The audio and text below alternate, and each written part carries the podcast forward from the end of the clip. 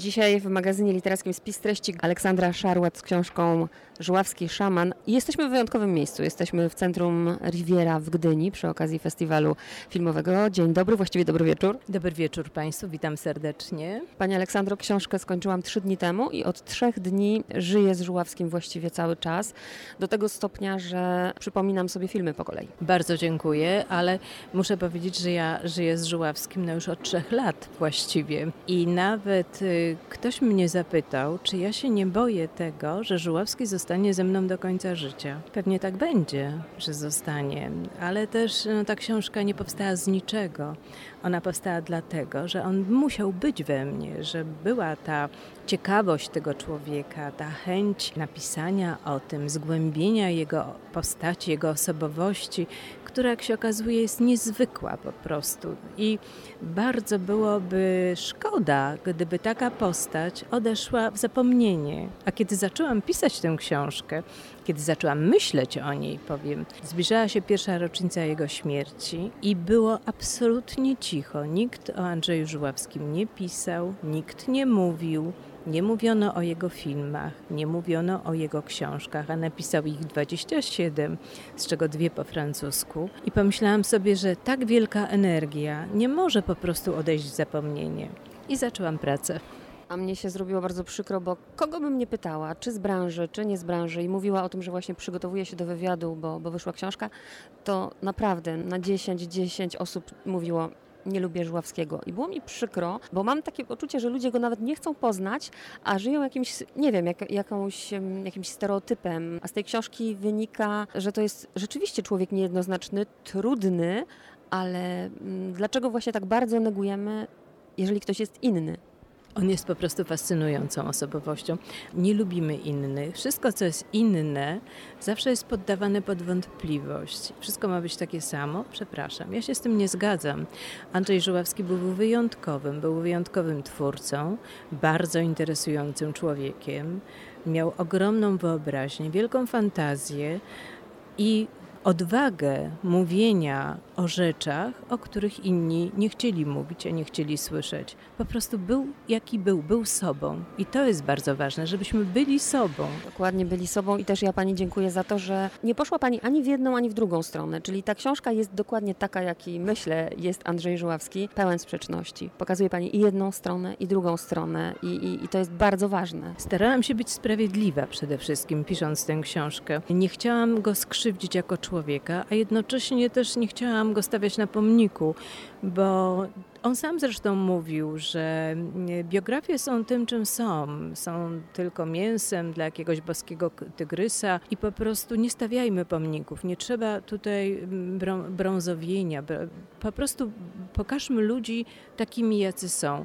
I mówił też, w tym kraju to nawet porządnej biografii nie można kupić, więc ja pomyślałam, że no może uda mi się napisać tak zwaną porządną biografię. No i ja potwierdzę słuchaczom, że to jest porządna biografia, ponieważ ja też e, podkreślam, e, chyba jak mantrę słuchacze mają dosyć tego, ale naprawdę w to głęboko wierzę, że nie ma przypadków. Myślę o tym, kiedy umiera Andrzej Żuławski. Tego dnia, 21 lat wcześniej, umiera jego ojciec. Myślę o sytuacji po pogrzebie i bracie Andrzeja, który spotyka, prawda, aktorkę grającą w kosmosie. I myślę o tym, że napisała Pani tę książkę i akurat ukazuje się film Ksawerego. No właśnie, także chyba nie ma zbiegów okoliczności. I nawet miałam tutaj takie, powiedziałabym, mistyczne jakieś e, przeżycia w trakcie pisania tej książki, bo bardzo mi na różnych bohaterach, a najbardziej na braciach Andrzeja Żuławskiego i jego dzieciach, na synach. No ale trzeba od czegoś zacząć.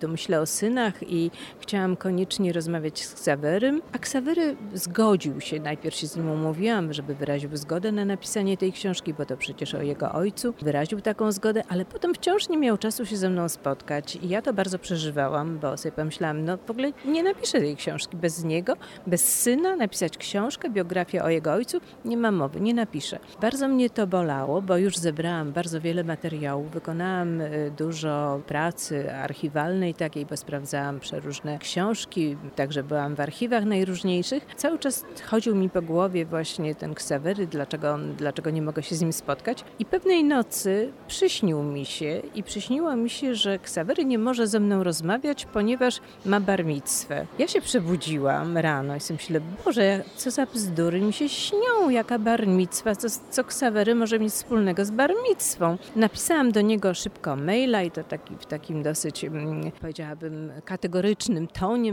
że natychmiast musimy się, się spotkać. On mi bardzo szybko odpisał, że tak, tak, bardzo proszę, kiedy możesz przyjść. Umówiliśmy się, wchodzę do niego do wytwórni filmowej, do jego biura i mijam się w drzwiach z jakimś młodym człowiekiem. On wychodzi, do, Ksawery mi przedstawił siadam, rozmawiamy i ja mówię, słuchaj Ksawery, miałam tak niesamowity sen i opowiadam o tej barmitwie i mówię, wiesz, to kompletny absurd. A on spojrzał na mnie i mówi, o nie, słuchaj, to nie jest żaden absurd, mówi ten człowiek, z którym minęłaś się w drzwiach w tej chwili. To jest mój kolega, z którym razem pracujemy nad scenariuszem według opowiadań Zingera i właśnie mieliśmy scenę o barmictwie. I powiedział, to znaczy, że Andrzej, mówiąc o ojcu, że Andrzej się na wszystko zgadza, bo to jest, to po prostu jest niesamowite. No więc takie bardzo ciekawe, no naprawdę no jakieś mistyczne przeżycie. Ja w to absolutnie wierzę. Rozpaczam trochę, że mamy pół godziny, już 20 minut, a książka ma 600 stron i zastanawiałam się, jak ułożyć ten wywiad. I postanowiłam, że pokręcimy się wokół pewnych haseł, ale początek tej książki fascynujący, bo zaczyna pani, no, no nie mogę teraz o tym nie powiedzieć, po historii ze snem, od snu właśnie, snu Ksawerego. Tak, y, Ksawero powiedział mi swój sen i to był sen po śmierci ojca, kiedy czekał na braci. Dwaj bracia przylatywali w bardzo krótkim odstępie czasu od siebie. Jeden przylatywał z Paryża, a drugi ze Stanów. Bracia widzieli się tylko raz w życiu, to przyrodni bracia, mm, Ignacy i Vincenty, czyli Vincent, syn Sophie Marceau. I Ksawery mm, czeka, czekał na nich i przypomniał sobie sen, który miał tej nocy, a śniło mu się, że jedzie przez ośnieżoną Warszawę i widzi, mm, widzi przepiękne jakieś e, drzewa obsypane śniegiem i myśli sobie, jaka, jakaż piękna jest ta Warszawa. Muszę pokazać ją braciom, żebym zdążył, zanim ten śnieg stopnieje. No, kiedy się obudził, zapomniał o tym śnie, przypomniał sobie właśnie na lotnisku. Zadzwonił wtedy do ojczyma, buddysty, i pyta go o, o interpretację. A ojczym mu powiedział, wiesz, po prostu twój ojciec nam wszystkim dawał rolę. My wszyscy mieliśmy wyznaczone przez niego role. I to był właśnie ten śnieg. Kiedy śnieg stopniał, jesteśmy wolni. Te role już się skończyły. Od razu miałam skojarzenie z tytułem właśnie, bo szaman na pierwsze skojarzenie, przynajmniej moje, to jest uzdrowiciel, a w przypadku Żuławskiego zaklinacz właśnie. Zaklinacz, tak. No tutaj mówili mi znajomi Andrzeja, a przede wszystkim aktorki, też Andrzej Jaroszewicz, że on potrafił hipnotyzować ludzi, że on miał tak niesamowite spojrzenie, że ludzie poddawali mu się absolutnie jego sile woli, jego sile spojrzenia, robili wszystko, co on tylko kazał. Ale to, mm, kiedy widać to w filmach jego, aktorki, które się temu poddawały, czy, czy Izabela Gianni, czy Valerie Capriski, czy Romy Schneider, no stworzyły piękne role, za które potem dostawały nagrody. Nie Andrzej, tylko one. Myślę teraz właśnie nad tym pierwszym hasłem, coś, co mi się nie zgadza. Ja się zastanawiam, dlaczego Andrzej Żuławski tak bardzo, ja nie chcę używać słowa kłamał, ale potrzebował tych mitów, te historie, prawda, z dziadkiem stryjecznym, któremu kula przeszywa wiersz, e, siostra, która umiera z głodu.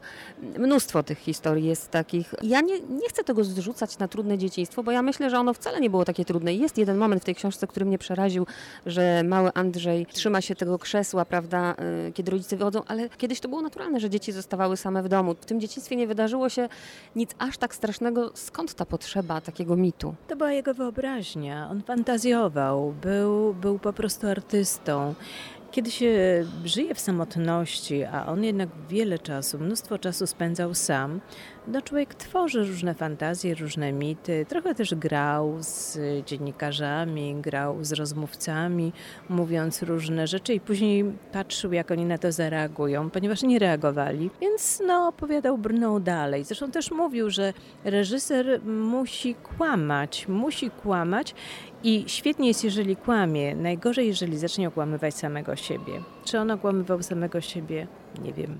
Teraz jak mi pani odpowiada, to myślę, no tak, był reżyserem swojego życia również. Właśnie, no i reżyserował rodzinę, reżyserował każdy z członków rodziny, miał określone role. Jeden brat był taki, ja tutaj nie chcę używać różnych przymiotników, bo to można przeczytać w książce, jak, jakie są to postacie, ale każdy z tych braci miał swoją rolę, każdy z dzieci miało swoją rolę. Mówi o tym przejmującej rozmowie Ksawery, bo właśnie ta rozmowa została. Ja postanowiłam rozmowy z synami. Udało mi się szczęśliwie spotkać z wszystkimi i po raz pierwszy w ogóle nigdzie nie ma publikowanych rozmów y, z, czy z Vincent, czy z Ignacym na temat ojca. Oni nie udzielali takich wywiadów. W mojej książce są. Jestem bardzo wdzięczna za to, że się zgodzili. I są to niesamowite opowieści, naprawdę wstrząsające. Dla mnie taką rozmową właśnie wstrząsającą była z Ignacem, kiedy mówił o tej potrzebie, prawda, żeby ojciec przyjechał i go tak prosił. To było aż takie rozdzierające, a ojciec tego nie zrobił. Ja też dziękuję za te rozmowy, ale Andrzej Żuławski syn, dlaczego do tej matki miał aż tak duży żal? Trudno to powiedzieć. Ja myślę, że, to, że on matkę kochał i zresztą są jego listy cytowane do matki, kiedy on jak najczulszy syn szuka buciczków, y, bez piętki, w Paryżu biega, żeby dla mamci kupić buciczki bez piętki. Po prostu cudowny syn. A z drugiej strony mm, potrafił być okrutny. Ja myślę, że to była jakaś taka trochę takiej zemsty, może to nie jest dobre słowo, ale taka niechęć wynikająca z tego, że były okresy, kiedy czuł się odrzucony, kiedy matka się bawiła, bo matka lubiła się bawić, lubiła być duszą towarzystwa. I on tak niechętnie patrzył, a myślę, że takim akcentem absolutnie już decydującym tutaj o tym niechętnym stosunku to było znalezienie dokumentów y, ślubu matki z innym mężczyzną, zanim poznała, zanim związała się z jego ojcem. Więc y, no, pamiętamy, że to były te, te mity, tak że one funkcjonują w Polsce do dzisiaj. Kobieta, dziewica, prawda, matka, matka dzieciom, to są, to są te wzorce i to jemu nie pasowało, że jak to jego ukochana matka, ta, którą trzeba czcić, wielbić, ona była związana z jakimś innym mężczyzną, więc ja myślę, że to była taka trochę zazdrość też o matkę. Ojca z kolei uwielbia, ale wstydzi się. Do pewnego czasu i dlatego on z tego ojca zaczął czynić bohatera, prawda? No, ja tutaj znalazłam e, jego wypowiedzi o tym, jak ojciec był bojownikiem w Wietnamie, o wolność Wietnamu. E, nawet w ostatniej książce wydanej we Francji, Mój testament pisany po francusku, on pisze ojcu, że był bohaterem zen, wojownikiem zen.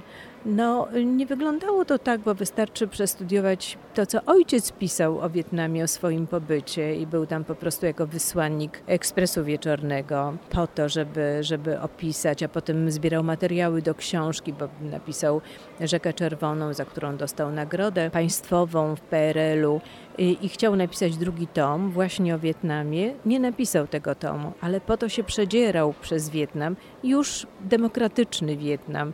Nie było tam nic, nie miał nic wspólnego z walką o wolność, z, bojo, z, z byciem bojownikiem.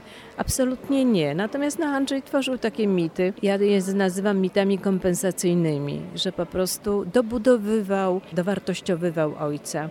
Ale później napisał pod koniec życia, że on zaczyna rozumieć ojca i że wiele mu wybacza i wybacza mu to, bo bardzo kochał. No, Mirosław Żuławski był też wspaniałym człowiekiem. No, wszyscy tutaj mówią, którzy go znali, byli zachwyceni, bo był dżentelmenem, pięknie mówił, pisał książki, był erudytą, tak samo zresztą jak Andrzej Wielkim. No natomiast no coś tam, no, no nie był bohaterem, nie był anty, nie był opozycjonistą, chociaż był waka, po wojnie związał się z partią i był, służył jako dyp był dyplomatą, więc no musiał być związany, z, Andrzej nawet pisze, że politruczył w tych ambasadach. No ale zadajmy sobie pytanie, co by się stało, gdyby ojciec y, był rzeczywiście nastawiony wrogo, gdyby był opozycjonistą wobec władz y, PRL-owskich. Jak wyglądałoby życie Andrzeja? Czy on miałby szansę na studia we Francji, czy miałby szansę na taką karierę, na takie życie? To jest wiele pytań w tym wszystkim.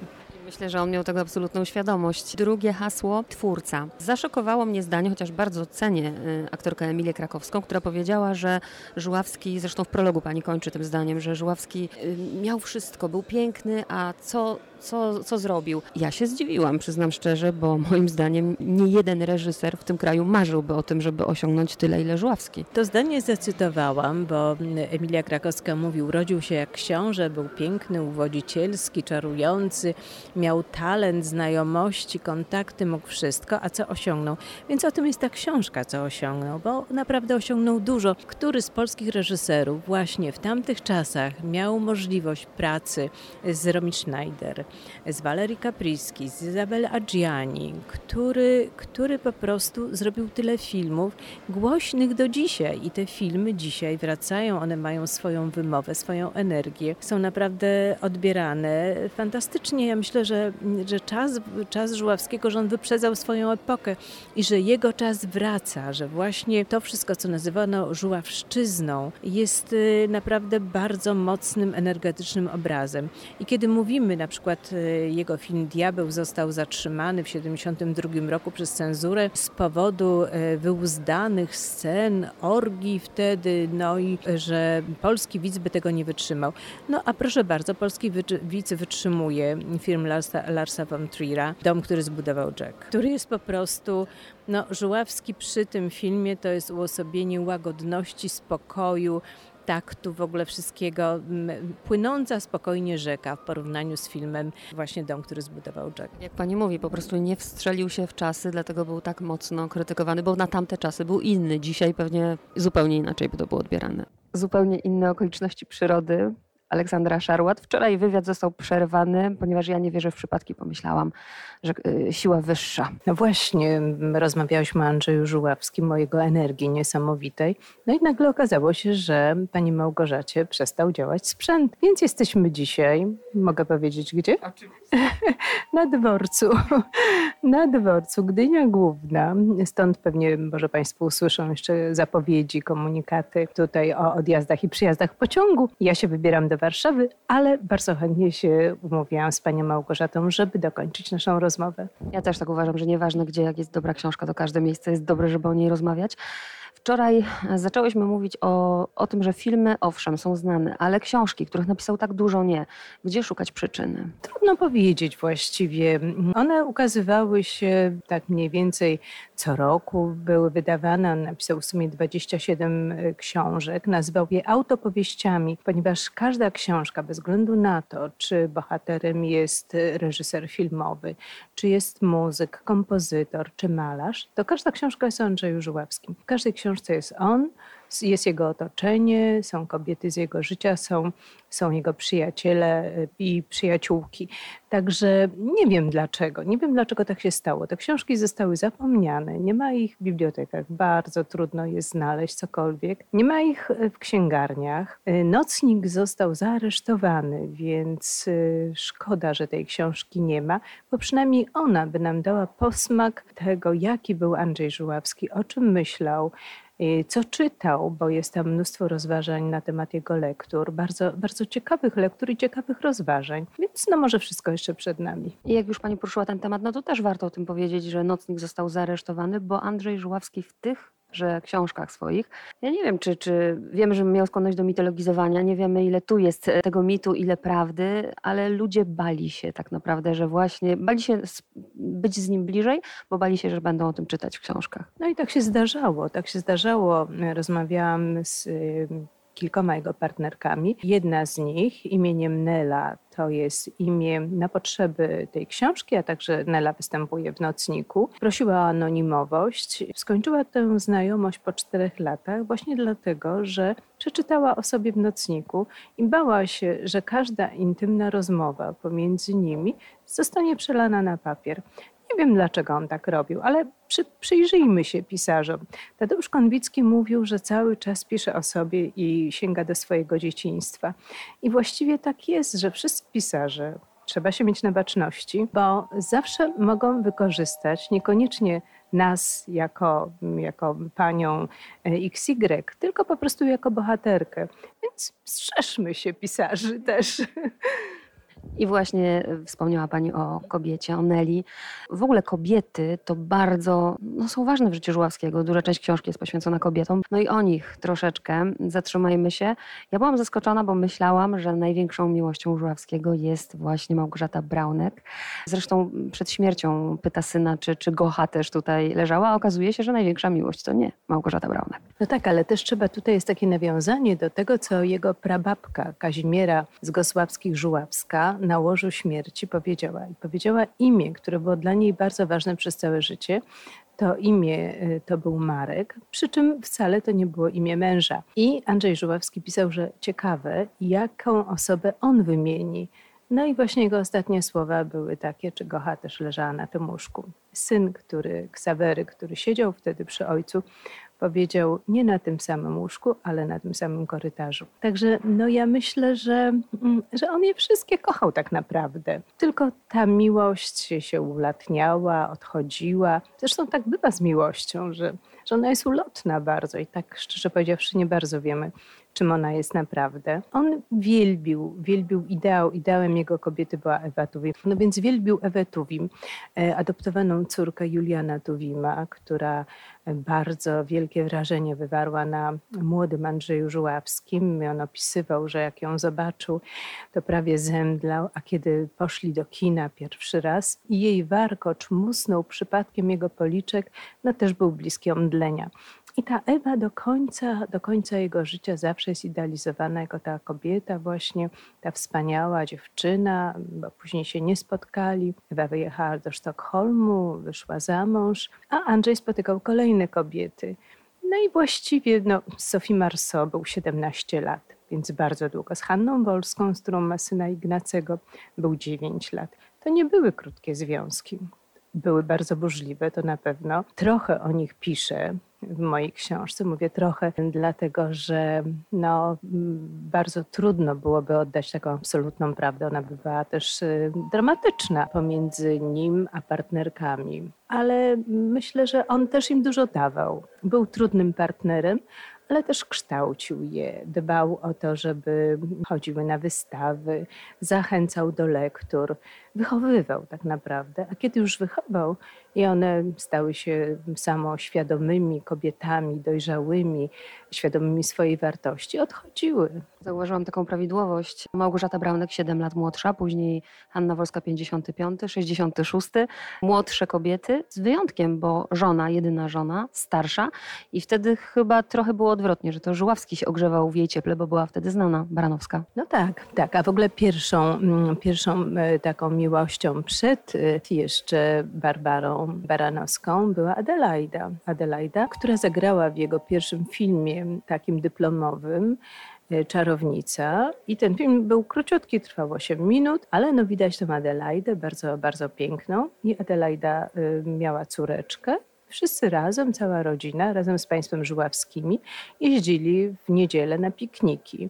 Więc y, Adelaida i też y, Andrzej wspomina Adelaidę, także pod koniec życia, w ostatniej książce, która została wydana we Francji w 2017 roku, Mój testament pisany po francusku, pisze Obejrzałem czarownicę, jaka piękna była ta moja Adelaida. Zastanawiam się nad tym, jakim, jakim był partnerem, bo z jednej strony kochał, wielbił te kobiety, ale któraś z nich powiedziała, jesteś dla mnie za trudny, bo nie sądzę, że jedynym powodem odejścia byłyby zdrady. No tak, tak, Sophie Marceau też tak mówiła, mówiła, żyjesz w swojej głowie, nie, nie żyjesz ze mną, tylko żyjesz w swojej głowie. No ale tak bywa, że twórca, artysta siłą rzeczy żyje w swojej głowie, bo on tworzy sztukę, on myśli o, o kolejnych scenariuszach, o kolejnych filmach czy o książkach. Nela opowiada o takiej historii, jak e, kiedyś e, Andrzej parzył herbatę. Rano wstał i już taki był właśnie zamyślony. Wziął imbryczek, to zawsze był taki rytuał, że on brał imbryczek z Bolesławca, sypywał tam herbatę, zalewał wrzątkiem, no i potem czekał aż się zaparzy i później e,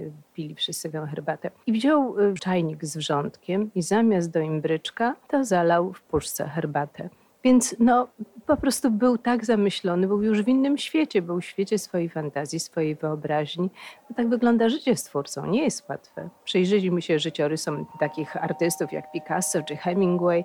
Kobiety nie miały łatwego życia z nimi, a jednak były, bo coś im to dawało. Wczoraj mówiłyśmy o żuławskim synu, dzisiaj trochę o partnerze, mężu, trochę też wczoraj o nim jako o ojcu. Ja się tak zastanawiałam nad tym, że dajemy tyle, ile tak naprawdę sami dostaliśmy. Żuławski się skarżył, że nie dostał od rodziców tej czułości, tej miłości, tego wyznawania miłości i sam zresztą tego swoim dzieciom nie umiał dać, chociaż bracia trochę mają e, takiej zazdrości, nie powiedziałabym żalu, że Vincentowi się najwięcej dostało. Miłości. Wincenty rzeczywiście no, był takim dzieckiem, już można powiedzieć, że Andrzej był takim ojcem dziadkiem troszeczkę, więc Wincenty się urodził dosyć późno, ponieważ no, Sophie Marceau była dużo, dużo, dużo młodsza od Andrzeja. I Andrzej wielbił go, hołubił, uczył go różnych rzeczy. Natomiast to wszystko też było do tego, do tego okresu, kiedy Wincenty nie zaczął dojrzewać. Jak zaczął dojrzewać, zadawać trudne pytania, krytykować ojca, więc też doszło do, do rozstania i przed śmiercią przez y, bodaj trzy lata oni w ogóle nie rozmawiali ze sobą, jedynie przez telefon, ponieważ Wincenty y, nie mógł znieść awantur awantur, docinków ojca, które on wygłaszał, kiedy Wincenty był z nim sam w domu. No a do tego dochodził też alkohol. Ja właśnie chcę o tym powiedzieć, bo uważam, że dzięki tej informacji takiej jawnie i też pani o tym pisze, spowoduje, że ludzie inaczej pomyślą o Żuławskim, bo alkoholizm jest przecież chorobą. Tak i to bracia twierdzą, że to jest zawarte, że, że to się przenosi w genach. Jak jest tak naprawdę, to medycyna też dobrze nie wie. Okazało się, że dziadek Andrzeja ze strony matki po prostu zapił się, umarł, umarł bardzo wcześnie z powodu choroby alkoholowej. Także brat matki był bardzo, był bardzo doświadczony przez alkohol. W końcu popełnił samobójstwo. Też pił brat Andrzeja, Łukasz. Więc no jedyny Mateusz, który w ogóle nie bierze alkoholu do, do, do ust bardzo, bardzo minimalnych ilościach symbolicznie. Natomiast no to jest, to jest trudna, trudna choroba. Andrzej, no na pewno artyści mają, jak gdyby, to, to nie jest taki wyjątkowy w tym środowisku, ponieważ y, oni doświadczają wielu stresów. To jest tak, że premiery stresują, że, że kręcenie filmu, czy zdobywanie pieniędzy na film, to wszystko, to wszystko jest okupione dużym stresem. Ten stres bardzo często rozładowują właśnie czy alkoholem, czy teraz modnymi używkami i to ma swoje konsekwencje. Andrzej Żuławski w jakimś momencie, kiedy rodzina mu wyrzucała i mówiła skończ, skończ tym, z tym piciem, bo to nie ma sensu, rujnujesz sobie zdrowie. On mówił, a co mi innego zostanie? I mówił alkohol, rzacem samobójstwa. No, dosyć takie dramatyczne ale myślę, że dużo w tym prawdy. Może tak smutno, ale właśnie zamkniemy naszą rozmowę tym odchodzeniem, które nie wiem, czy to dobrze zabrzmi, że powiem, że mi zaimponowało, bo nie każdego byłoby stać na pełną świadomość odchodzenia i zgodę po prostu. Ja chcę odejść, nie chcę się leczyć. No tak było, tak było. Też no, Ksawery się bardzo przeciwko temu buntował. Wincenty przyjechał, żeby się pożegnać z ojcem. Też Ignacego to bardzo poruszyło. No, Andrzej miał bardzo, Andrzej Żuławski miał bardzo mocny charakter bardzo był taką mocną osobowością. Postanowił, jak tylko dowiedział się, że jest, jest to choroba nowotworowa o bardzo złym rokowaniu, to pogodził się z tym. To jest też sztuka. Dwa ostatnie pytania. Podejrzewam, chociaż książka ma 600 stron i mogłybyśmy o niej rozmawiać i rozmawiać, ale podejrzewam, że dużo rzeczy tam jeszcze nie weszło. Nie wiem, czy, czy może pani zdradzić, które? No, na przykład nie wyszła historia rodu. Cały duży rozdział, który napisałam o y, rodzie żuławskim, o, o historii. Opisałam y, braci, opisałam Jerzego Żuławskiego, y, jego żonę. Fantastyczną w ogóle postać. To jest, myślę, że ona zasługuje naprawdę na, na książkę. Kazimiera z Hanickich, Żuławska. Piękna kobieta, mądra, wykształcona, która bardzo wiele zrobiła dla sztuki, która przyjaźniła się z Witkacym. Witkacy do niej pisał ciągle jakieś karteczki zabawne. Ja, ja cytuję, ja cytowałam te karteczki, może jeszcze mi się to uda kiedyś wydać. I na przykład on pisał, czy mogę przyjechać u, i u pani się nażreć? Adresował przekomicznie te, te, te kartki, także właściwie można się tylko dziwić, że one doszły, że dochodziły. No i ona utrzymywała kontakty po śmierci męża Jerzego Żuławskiego, twórcy naszej science fiction właściwie powieści, takiej czołowej, czyli na Srebrnym Globie, według której Andrzej później kręcił film. Piękna kobieta, przechowywała w czasie wojny Żydów, ukrywała, e, odważna, załatwiała im pracę, załatwiała im dokumenty z narażeniem życia. No naprawdę wspaniała postać. No i też są, są jej synowie, jest Marek, malarz, który mieszka, mieszkał w Londynie i o którym Andrzej mówił, że malował Tymczasem teraz rozmawiałam z Ewą Żuławską-Bogacką, która spotyka się z żoną, drugą żoną Marka mówi Marylą i mówi Maryla w ogóle się bardzo dziwi. Nigdy nie słyszała, żeby Marek malował królową, więc to pewnie kolejny mit Andrzeja. Aczkolwiek Marek ma, ma piękne, piękne jego obrazy. W Toruniu zostały. Właśnie Maryla Żuławska podarowała je miejscu, gdzie, gdzie właśnie matka też miała pensjonat, mieszkała. Pisze też o Julianie Żuławskim, krytyku, twórcy wielu, wielu wspaniałych dzieł. Piszę e, o Wawrzyńcu Żuławskim, kompozytorze, o całej rodzinie. No i ten rozdział już nie wszedł. Został częściowo poprzenoszony do książki. Po prostu ta książka miałaby, nie wiem, 700 tysiąc stron. Ja bardzo, bardzo dużo skracałam, wyrzucałam. Mam cały taki plik w komputerze Andrzej Żuławski Ścinki. Czasem je sobie otworzę i czytam i sobie myślę, jakież to jest ciekawe. dlaczego, dlaczego to się nie znalazło? No ale nie mogło się wszystko znaleźć. To tak bogaty twórca, tak fantastyczny, o tak wielkiej wyobraźni, o tak i tak pracowity, o czym nie wszyscy wiedzą, bo przecież żeby napisać tyle, tyle książek, tyle powieści, nakręcić tyle filmów, być taką duszą towarzystwa, bo on potrafił być cudowny, wspaniały, uwodzicielski, uroczy, naprawdę trzeba być wyjątkowym człowiekiem. Otwierają się szufladki, bym od razu o popiołach rozmawiała, o pracowitości, o tym, jak Wajda był zachwycony, ale nie da się. Ostatnie pytanie. Widziała, rozmawiała Pani z Żuławskim kilka razy, z pięć chyba, czy sześć, jak pamiętam, jak czytałam, ale czy da się uchwycić takie, takie jedno coś charakterystycznego, co Pani zapamiętała? Dla mnie taką najwspanialszą recenzją Andrzeja Bondu, ja myślę, że myśmy się szanowali wzajemnie. Tak jak słyszę i też no, byłam świadkiem też różnych sytuacji nieprzyjemnych, wobec dziennikarzy, różnych starć pomiędzy nimi a dziennikarzami, tak ja zawsze miałam jakoś szczęście, bo on był bardzo, bardzo uprzejmy i dla mnie największym zaskoczeniem było to, że ja mówiłam Panie Andrzeju, to wysyłam wywiad do autoryzacji. On mówił, ależ Pani Olu, ja mam takie zaufanie do Pani, że nie musi Pani wysyłać. I to jest dopiero obciążenie dla dziennikarza, kiedy sam musi ocenzurować swój własny wywiad, zobaczyć, co, co można zamieścić, a co nie. No naprawdę, bardzo mi żal, że, że Andrzeja nie ma, no ale starałam się zrobić jak najwięcej, żeby ocalić jego pamięć, pamięć o nim. Bardzo dziękuję. Dziękuję bardzo.